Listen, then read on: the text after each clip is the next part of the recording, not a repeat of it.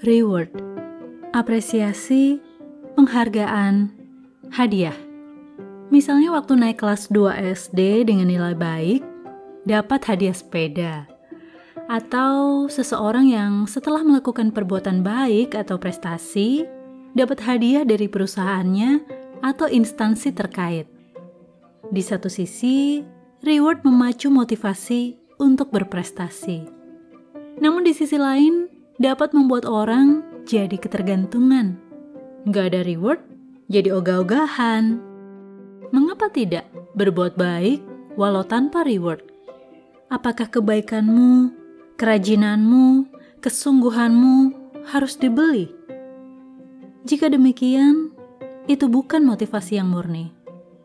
Berbuat baiklah karena kamu memang baik. Ada atau tak ada reward.